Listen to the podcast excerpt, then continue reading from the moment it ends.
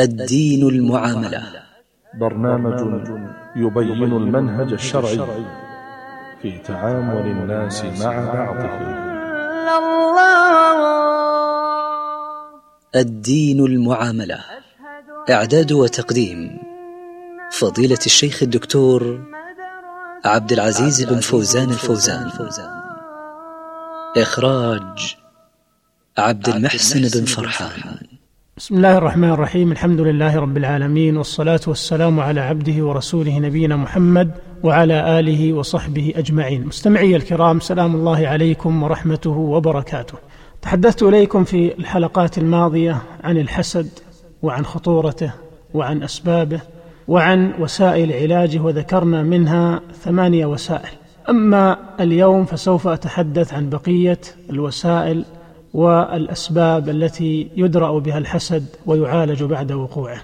فالسبب التاسع منها الإقبال على الله عز وجل والإخلاص له وجعل محبته وترضيه والإنابة إليه في محل خواطر نفسه وأمانيها.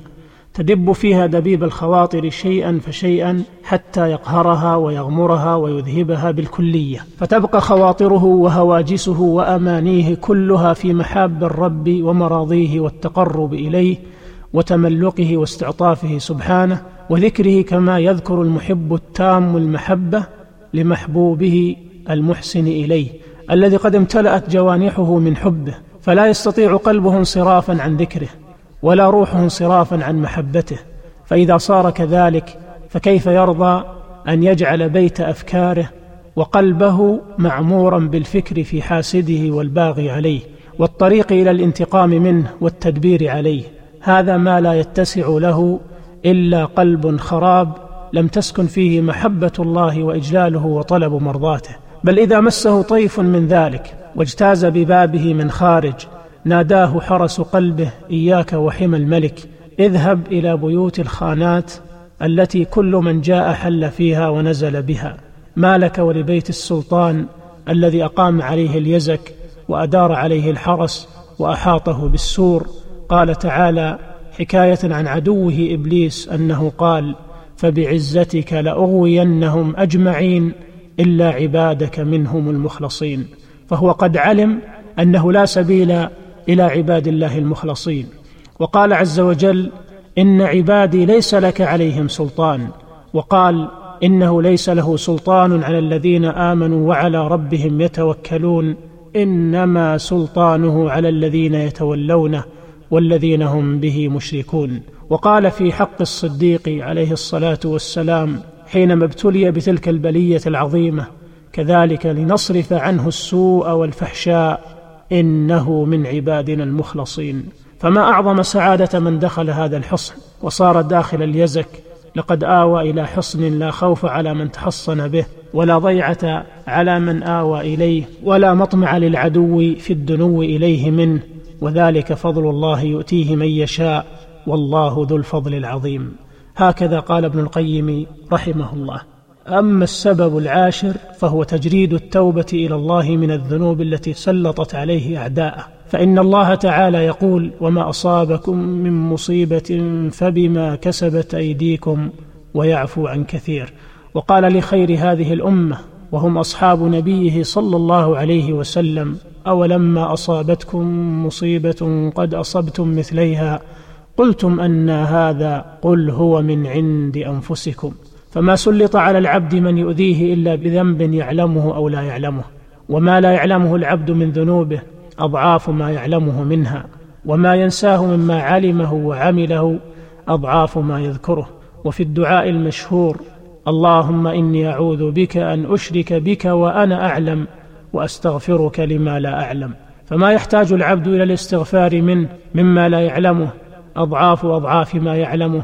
فما سلط عليه مؤذ إلا بذنب.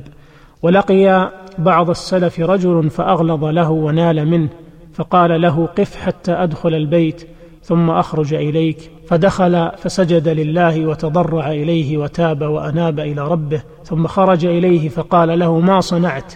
قال تبت إلى الله من الذنب الذي سلطك به علي. فليس للعبد إذا بغي عليه وأوذي وتسلط عليه خصومه شيء هو أنفع له من التوبة النصوح وعلامة سعادته أن يعكس فكره ونظره على نفسه وذنوبه وعيوبه فيشتغل بها وبإصلاحها وبالتوبة منها فلا يبقى فيها فراغ لتدبر ما نزل به بل يتولى هو التوبة وإصلاح عيوبه والله عز وجل يتولى نصرته وحفظه والدفع عنه ولا بد. فما أسعده من عبد وما أبركها من نازلة نزلت به وما أحسن أثرها عليه ولكن التوفيق والرشد بيد الله لا مانع لما أعطى ولا معطي لما منع فما كل أحد يوفق لهذا لا معرفة به ولا إرادة له ولا قدرة عليه ولا حول ولا قوة إلا بالله. أما السبب الحادي عشر فهو الصدقة والإحسان إلى الناس ما أمكنه ذلك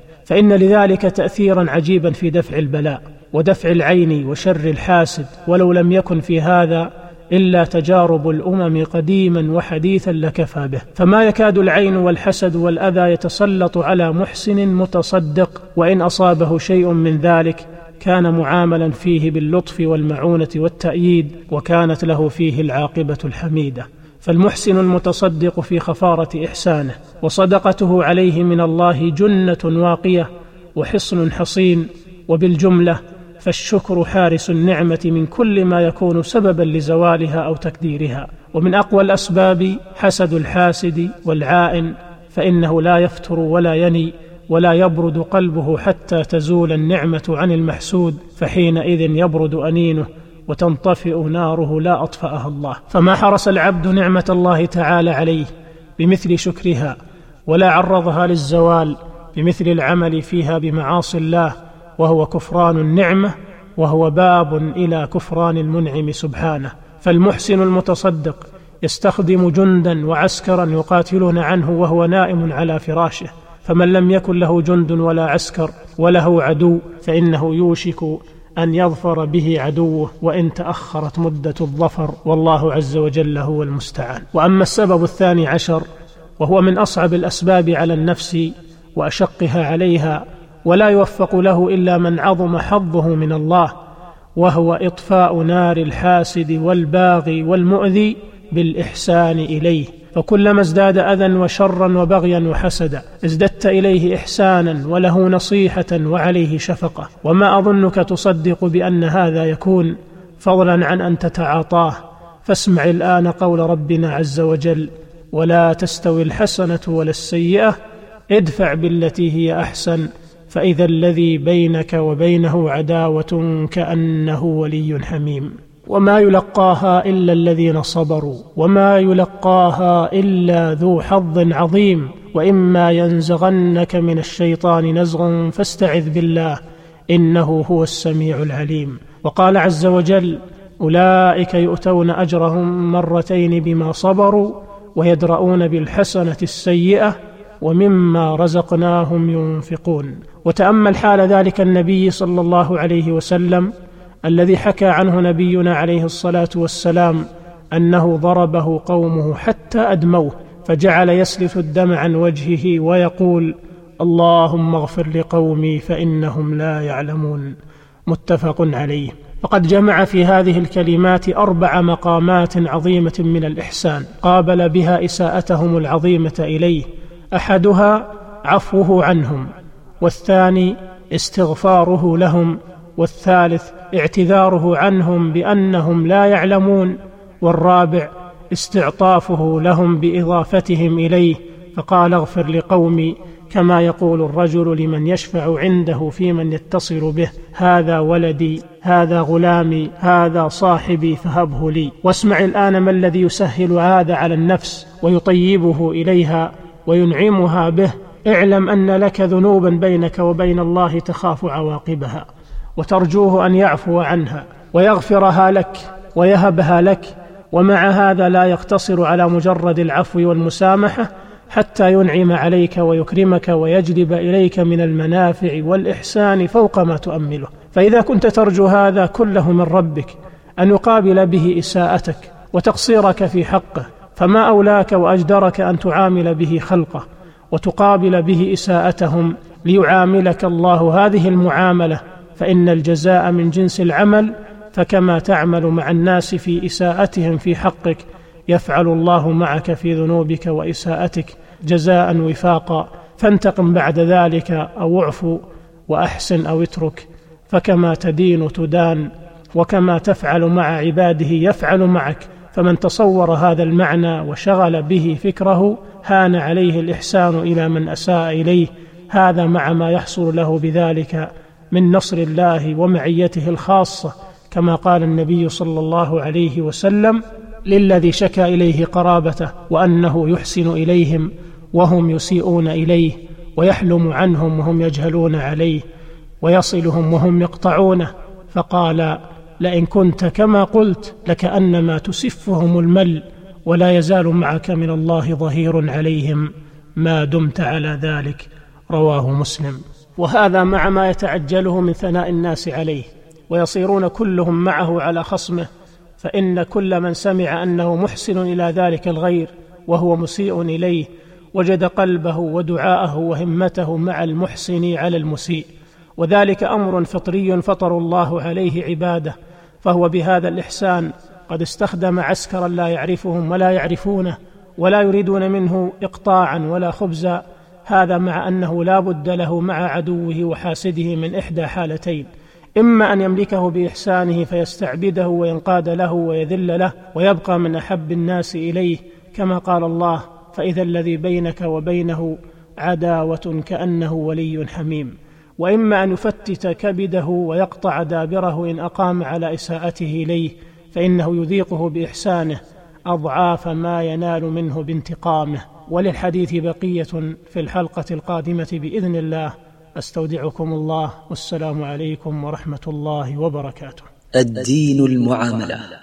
برنامج يبين المنهج الشرعي في تعامل الناس مع بعضهم. الدين المعاملة إعداد وتقديم. فضيلة الشيخ الدكتور عبد العزيز بن فوزان الفوزان. إخراج عبد المحسن بن فرحان.